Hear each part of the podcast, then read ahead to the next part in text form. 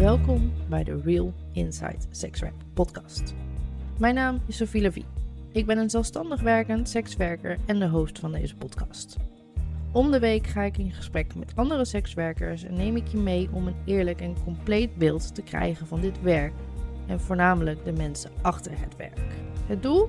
Verminderen van de stigma's en een veilig podium creëren voor sekswerkers om hun verhaal te vertellen. Je kunt persoonlijke verhalen, provocerende onderwerpen en interessante gasten verwachten. Dit alles gegoten in een toegankelijk en humoristisch jasje is de Real Inside Sexwerk podcast te beluisteren voor iedereen die interesse heeft in deze wonderlijke branche.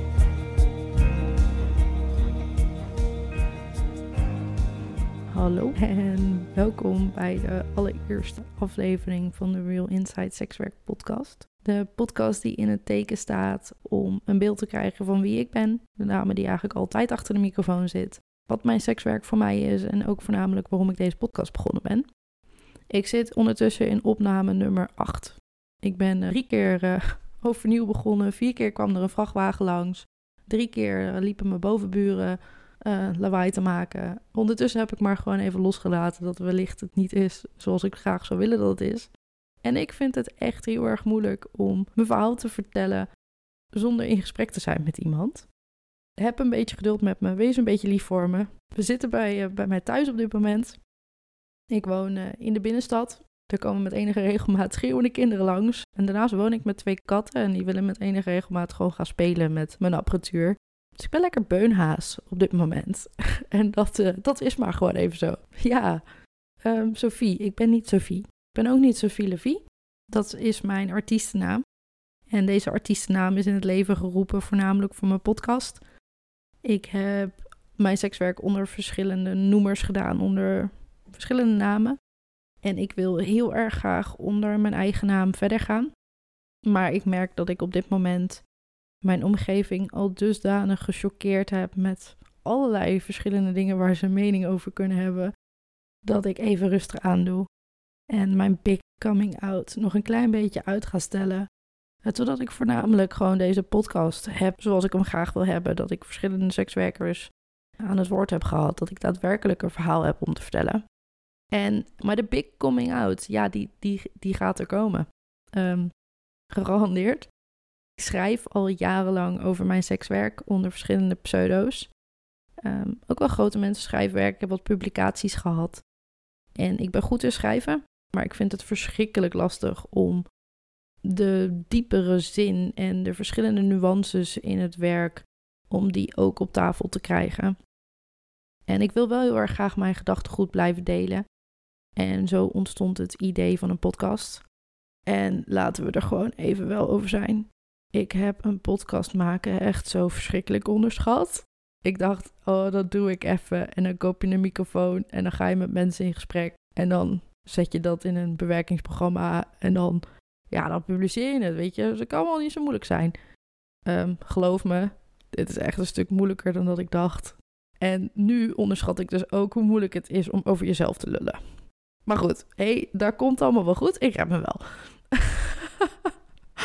uh, überhaupt deze podcast, ik wil hem heel erg graag op termijn echt op een, op een hoge kwaliteit hebben. Ik wil veel mensen gaan bereiken met mijn verhaal. Maar jullie mogen met me meegroeien. Ik ga vast op termijn andere apparatuur halen. En ik hoop echt een keer een hele goede ruimte te hebben waar ik mijn podcast op kan nemen. Maar op dit moment ben ik nog eventjes lekker beunhaas. En dat past ook eigenlijk wel gewoon bij me.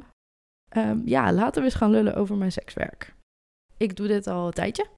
Ik ben jong begonnen. Ik ben begonnen met sugar dating. En sugar dating is een beetje een zijvak van sekswerk. Want daar word je niet betaald voor seks, maar je wordt betaald voor je tijd. En de betaling kan in verschillende vormen zijn. Kan met cadeautjes zijn, maar kan ook betaling van je collegegeld zijn. Uh, maak het zo gek als dat je zelf wil. Uh, dat is hoe ik ermee begonnen ben. En daar ben ik per ongeluk ingerold.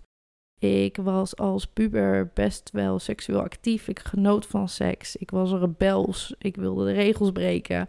En ik ontdekte dat als ik seks had met leeftijdsgenoten, uh, mensen daar mening over hadden en dat ik al heel snel een slet werd.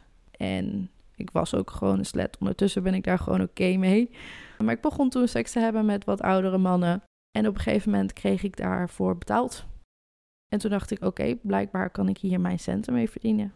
En dat is hoe het, hoe het sugar dating destijds ontstaan is. En je hebt daar verschillende platformen voor waar je kan aanmelden, waar je mensen kan vinden die daar ook interesse in hebben. Um, sugar dating heb ik een aantal jaar volgehouden, uh, zowel positief als niet zo heel erg positief. Ik vond het heel erg leuk dat de nadruk daar lag op het feit dat je een goede tijd met elkaar ging hebben en dat daar niet altijd ook seks tegenover stond. Wat ik er minder leuk aan vond is dat het soms lastig te bepalen was wat dan betaald was en wat niet. En soms werd je te close met elkaar. Dus het was heel makkelijk om die brug over te gaan. En op mijn 21ste ben ik als high-class escort begonnen. Ik heb voor verschillende high-class escort bureaus in Nederland gewerkt. Zowel positief als niet zo heel erg positief. En mijn reden daarvoor destijds was dat ik dacht dat dat iets meer grote mensenwerk was en ik daar aan toe was. En een high-class escort wordt in principe betaald voor haar tijd en niet zozeer voor een seksuele dienst. Meestal zijn de dames die werken voor een high-class escortbureau dames die uh, intelligent zijn, hoger opgeleid, meerdere talen spreken uh, en die vaak heel erg goed functioneren als gezelschapsdames. En seksualiteit heeft daar niet altijd, is daar niet altijd de hoofdzaak. Uh, vaak gaat het om de kwaliteitstijd die je met elkaar spendeert, om genieten van elkaars gezelschap. En ik ben een luxe beest, altijd al geweest. Ik hou van goede wijn. Ik hou van goed gezelschap. Ik hou van leuke mensen. Ik ben een Burgondier. Goed eten. Onder een zonnetje. Genieten van al het moois wat het leven te bieden heeft. Maar ik was ook gewoon een student. En ik had geen cent te makken. En het werken als high-class escort heeft, gaf me alle luxe die ik heel graag wilde. En daarbij ook de financiën die ik heel graag wilde. Om een luxe leven voor mezelf te kunnen permitteren met mijn klanten, maar ook zonder mijn klanten. Uh, want er stonden gewoon best wel hele hoge verdiensten tegenover. En ik vergeet trouwens überhaupt helemaal te vermelden dat ik eigenlijk stiekem altijd al verschrikkelijk veel interesse had in zowel psychologie als seksualiteit. Ik was echt heel jong al aan het puberen en ik heb mezelf altijd ontdekt door middel van seksualiteit. Dus voor mij was het helemaal geen hele grote stap om sekswerk te gaan doen. En vooral niet in de setting waarbij iemand me niet alleen betaalde voor seks, maar ook voor mijn tijd en voor mijn gezelschap en leuke dingen doen. En dat werken voor escortbureaus, uh, dat heb ik een aantal jaar gedaan, af en aan, bij verschillende bureaus. Um, waarbij dat enerzijds wel goed bevalde en anderzijds vaak ook niet. Ik vond dat de escortbureaus waar ik destijds werkte vaak hun werk eigenlijk niet zo heel erg goed deden. Het was wel heel erg fijn om het los te kunnen laten, dat je eh, klanten moest vinden. Er is een stukje veiligheid, want vaak bel je in en dan vertel je dat je veilig bent. En je bent niet verantwoordelijk voor de betalingen en daarnaast uh, niet te vergeten, je kunt werken onder iemand anders vergunning. Ik ben gestopt met werken als high-class escort omdat ik een hele slechte ervaring heb gehad. Um, waar het bureau destijds ook niet goed op reageerde. En toen ben ik even helemaal gestopt met mijn sekswerk. Ik had destijds een relatie die best wel heel erg veel van mijn aandacht vroeg. En ik was eigenlijk wel oké om eventjes een tijdje alleen maar bezig te zijn met mijn partner destijds. En plot twist, na al die slechte ervaringen, um, ik begon mijn sekswerk te missen. En toen dacht ik, ja, hoe nu? Ehm, en toen ben ik gaan googlen en ben ik gaan kijken op wat voor manieren je nou eigenlijk als sekswerker kunt werken. En je kunt terecht bij een privéhuis, je kunt werken in een club, je kunt werken in een massagesalon. Je kunt werken als een zwemmeesteres. Um, er zijn allerlei verschillende soorten manieren. En ik kwam destijds terecht bij een club. En die club viel heel erg op omdat hij heel erg anders was dan de standaard. En in elk geval niet klopte bij het beeld wat ik had van een club. Uh, ze hadden daar heel veel tijd besteed aan uitleggen hoe het was om daar als dame te werken. En het kwam best wel heel erg exclusief over. En toen heb ik dus de stoute schoenen aangetrokken. En heb ik uh, die club gebeld en gevraagd of ik een keer langs mocht komen. En in dat sollicitatiegesprek vertelden ze me: ja, we zijn hier één grote familie en je bent hier veilig. En toen dacht ik, nou, dat zal allemaal wel. Feit is dat dat daadwerkelijk voor mij zo gebleken is. Uh, werken in een club is wel echt heel erg anders als werken dan high class escort. In de club waar ik werkte en nog steeds werk, daar is de minimale tijd dat je boven bent met een klant is een uur. En dat is met enige regelmaat langer, ehm, maar de standaard daar is een uur. En ik was gewend om boekingen te hebben van drie, vier, vijf uur, soms zelfs een weekend. Waardoor ik in één keer veel meer echt sekswerker werd en veel meer echt een dienst aan het verlenen was. En ik heb heel veel moeite gehad om daarin te schakelen. Dat heeft me heel veel uitdagingen gebracht.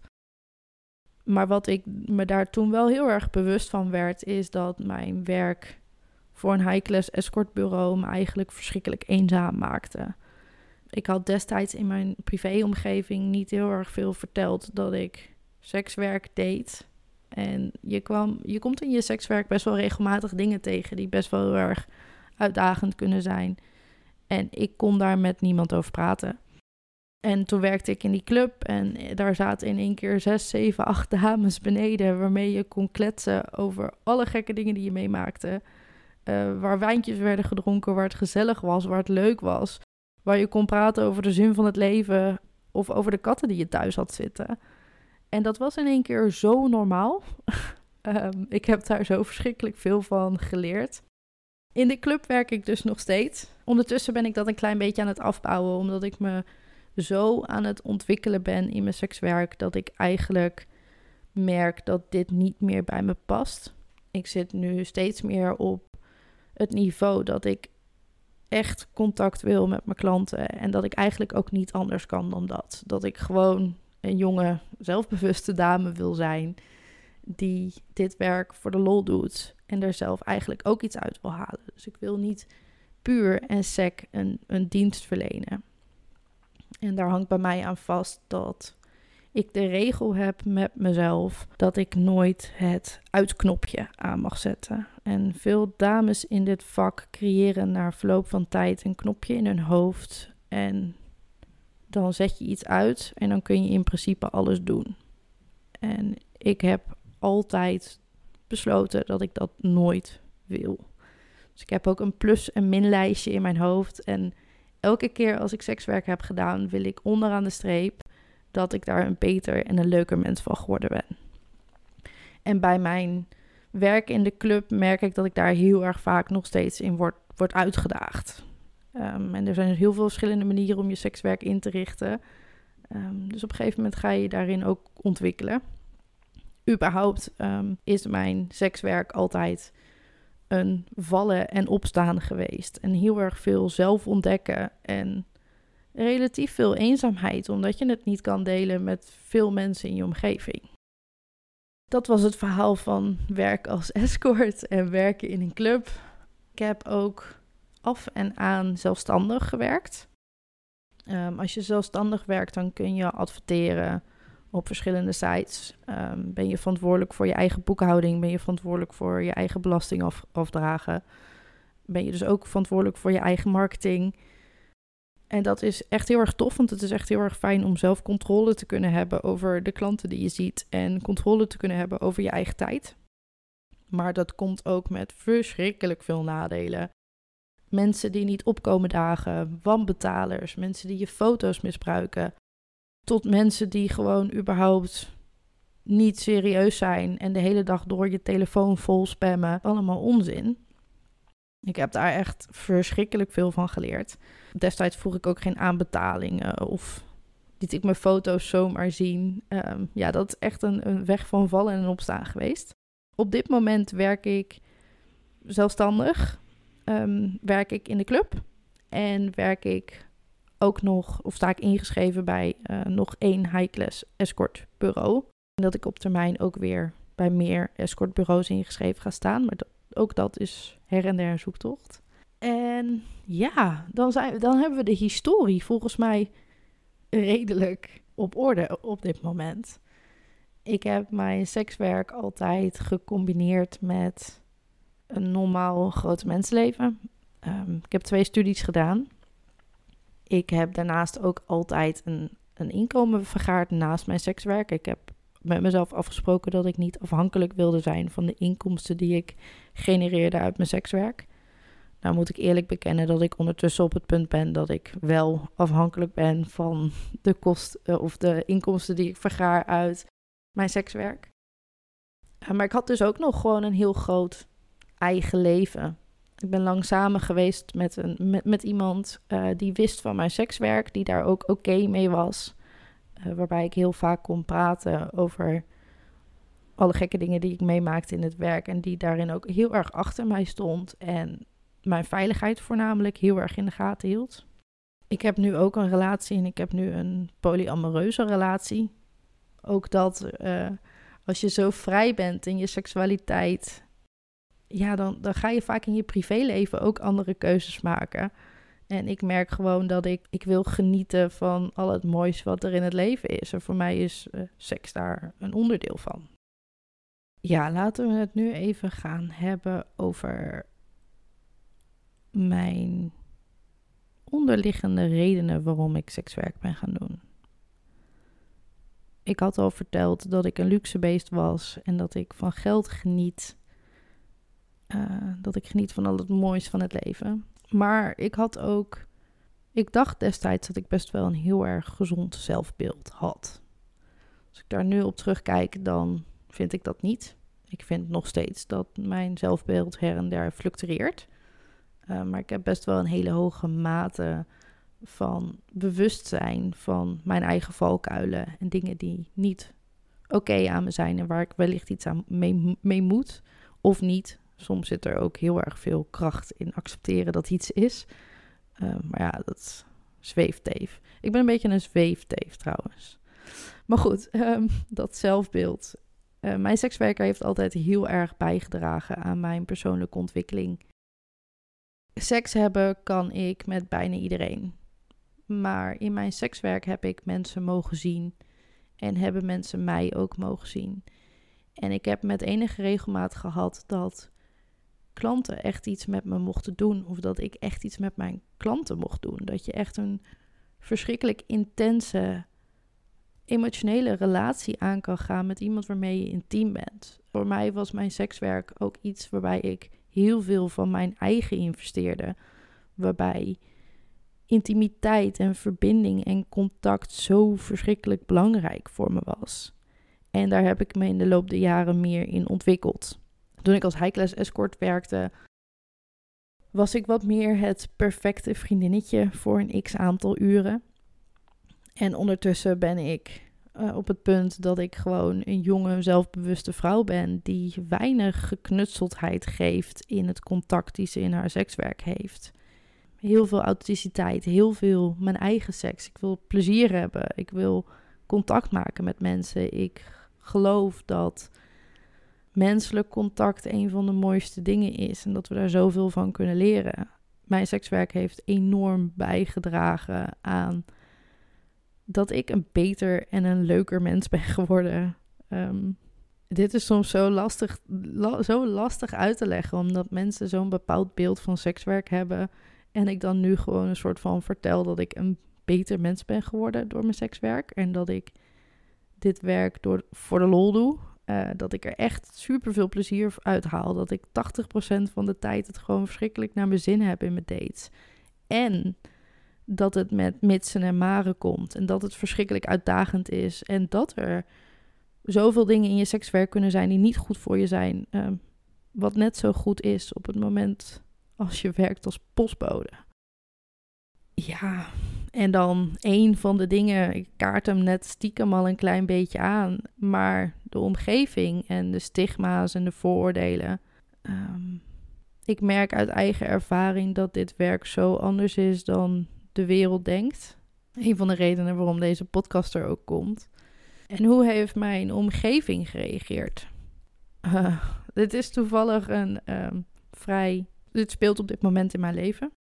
Ik heb er ooit niet zelf voor gekozen om te vertellen dat ik werkte als escort. In mijn vorige relatie heeft zijn ex ervoor gekozen dat dat gebeurde. En zij heeft al mijn vrienden en familie op Facebook een berichtje gestuurd dat ik werkte als hoer. uh, inclusief de foto's van het escortbureau waar ik destijds werkte. Ja, dat is best wel heel erg schrikken, want je hebt het stiekem een aantal jaar gedaan en niet iedereen wist het. Veel van mijn vrienden wisten het destijds al wel. En toen ze dat hoorden, toen zeiden ze, joh, ja, ehm, eh, dat, dat wisten we eigenlijk ook wel. En dat past eigenlijk ook wel gewoon heel erg goed wie, bij wie jij bent. Ehm, maar goed, aan je ouders vertellen dat je dit werk doet met alle stigma's en vooroordelen die daarop zitten, dat is best wel ingewikkeld. En ik ging ervan uit dat mijn ouders destijds dat berichtje van haar gelezen hadden op Facebook. En ik heb een berichtje gestuurd, yo, ehm, je gaat iets ontvangen waar je mogelijk best wel van kan schikken. En laten we er alsjeblieft over praten. En van een aantal mensen heb ik gewoon niks gehoord. Uh, ik heb ook gehoord dat een aantal mensen gewoon dat berichtje niet wilden openen. Um, ik vind dat een beetje kop in het zand steken, maar dat is wel gebeurd. Ik kan er nu op terugkijken met de gedachte dat ik geen mensen ben kwijtgeraakt die echt iets voor me betekenden. Ik ben absoluut vrienden kwijtgeraakt door dat ze dit van mij leerden kennen en dat hun beleefwereld zo ver weg stond bij de mijne. Um, dat, dat onze vriendschap dat gewoon niet overleefd heeft. Ik heb ook een vriendin gehad die, uh, ondanks dat ik echt uitgeprobeerd heb om te leggen hoe dit werk voor me is en wat ik eruit haal, um, ja, me gewoon echt zag als een vieze hoer die uh, seks had met oude mannen voor geld. En wij stonden zo ver van elkaar weg. En haar, haar mening was zo standvastig dat onze vriendschap dat ook gewoon niet overleefd heeft. En ik zou liegen als ik zou zeggen dat dat niet heel erg veel met me gedaan heeft. Um, nog steeds. Ik praat over dit werk met, met, met, met zoveel passie en zoveel liefde. Uh, omdat ik weet hoe het is. En dan is het wel heel erg, heel erg heftig als mensen altijd hun mening klaar hebben staan. Voornamelijk gebaseerd over hun gebaseerd op hun eigen vooroordelen en hun eigen aannames over dit werk. En ik wil zo graag met mensen in gesprek kunnen gaan over wat het dan is en welke side notes er zijn en welke nuances toe te voegen zijn. En sommige mensen gaan niet in gesprek. En ook toen ik met deze podcast begon, kreeg ik van heel veel mensen het commentaar van, ja, weet je, je, je vergooit je toekomst en als je onder eigen naam dit gaat doen, dan kun je nooit meer een normale baan krijgen. En ik ben me er bijzonder van bewust dat er een groep mensen is die ik waarschijnlijk nooit ga bereiken. Ik wil heel erg graag de groep mensen bereiken die gewoon niet de informatie krijgen die ze verdienen. Sekswerk wordt verkeerd neergezet in de media. Als we denken aan sekswerk, denken we 9 van de 10 keer aan mensenhandel. We denken aan de wallen. En we denken dat er een hele grote groep mensen is die dit onvrijwillig doet. En ik wil niet zeggen dat deze thema's er niet zijn, want deze thema's zijn er. Ik weet dat er ook een hele grote groep met bewuste sekswerkers is die dit werk voor de lol doen. Um, die er plezier uit halen en die dit echt, echt doen omdat ze het willen doen. Niemand dwingt ze. Vaak zit er bij, bij sekswerkers een component in dat de financiën meespelen. Um, het, het verdient relatief makkelijk geld als je er best voor doet. Maar het is niet. Het is niet zaligmakend. Het is niet. Uh, ik, ik doe dit werk genoeg om te weten dat je er, er leuk geld mee kan verdienen. Maar als jij niet kunt omgaan met je geld, wat vaak een probleem is die gepaard gaat met het verdienen van meer geld, dan verdien je onderaan de streep eigenlijk niet zo heel erg veel geld. Ja, dat zijn de, de vooroordelen. Maar ik ben stiekem een bepaald onderwerp nu een klein beetje aan het ontlopen. En dat is hoe mijn omgeving gereageerd heeft. Ik heb recent mijn moeder nog een keer benadrukt. hey joh, mam, ik ben niet alleen en sekswerker, maar ik ben ook een podcast aan het beginnen. En ik schrijf al jaren over dit werk. En ik ga dit werk onder mijn eigen naam doen. En ik wil een prominente rol gaan spelen in het verminderen van de stigma's en vooroordelen rondom dit werk. En daarnaast ambieer ik om te gaan ondernemen in deze branche mam, dit is echt, echt een onderdeel van mijn leven. En dat vond mijn moeder uh, heel erg moeilijk om te horen. Ik merk dat bij de oudere generatie de vooroordelen omtrent sekswerk nog meer ingebakken zijn dan bij de wat jongere mensen. Mijn moeder is er echt heilig van overtuigd dat ik eh, mijn geld verdien door mijn benen wijd te doen. En dat kwetst. En ik heb er stiekem nog heel veel intern werk voor te doen om op het punt te komen dat ik oké kan zijn met mijn werk zonder dat de mensen waarvan ik hou er oké mee zijn. En ik doe deze opname nadat ik um, al een gesprek met Melinde heb gehad. Melinde kunnen jullie ook luisteren met de release. Melinde, jij bent echt een powervrouw, want jij bent daar wel en ik ben daar echt zo nog niet. Ja, ik heb uh, stiekem al wat verteld over de verdiensten en de financiën. Waarom ik de podcast wilde beginnen. Uh, wat het effect van uh, op mijn zelfbeeld en mijn zelfontwikkeling is geweest. Dat ik me veel eenzaam heb gevoeld. En dat is denk ik best wel een beetje de samenvatting van wie ik ben in mijn sekswerk. Wat ik heel graag nog wil benoemen is dat de rol die mijn podcast moet gaan vervullen. Um, ik ga elke week in gesprek met mezelf. Dat gaat een uitdaging worden, merk ik nu trouwens. En elke andere week ga ik in gesprek met een sekswerker. Als ik in gesprek ga met mezelf, behandel ik een bepaald thema rondom sekswerk. Ik zal veel inhoudelijke informatie geven over sekswerk, waarbij ik een daadwerkelijk compleet beeld wil gaan geven over sekswerk. Alle verschillende soorten facetten, hoe het in te richten is, de vooroordelen worden besproken. Soms in normaliteit, maar soms zullen we ook echt de moeilijke onderwerpen aangaan. Het gesprek met de sekswerker um, is voornamelijk bedoeld om een podium te creëren voor de sekswerker.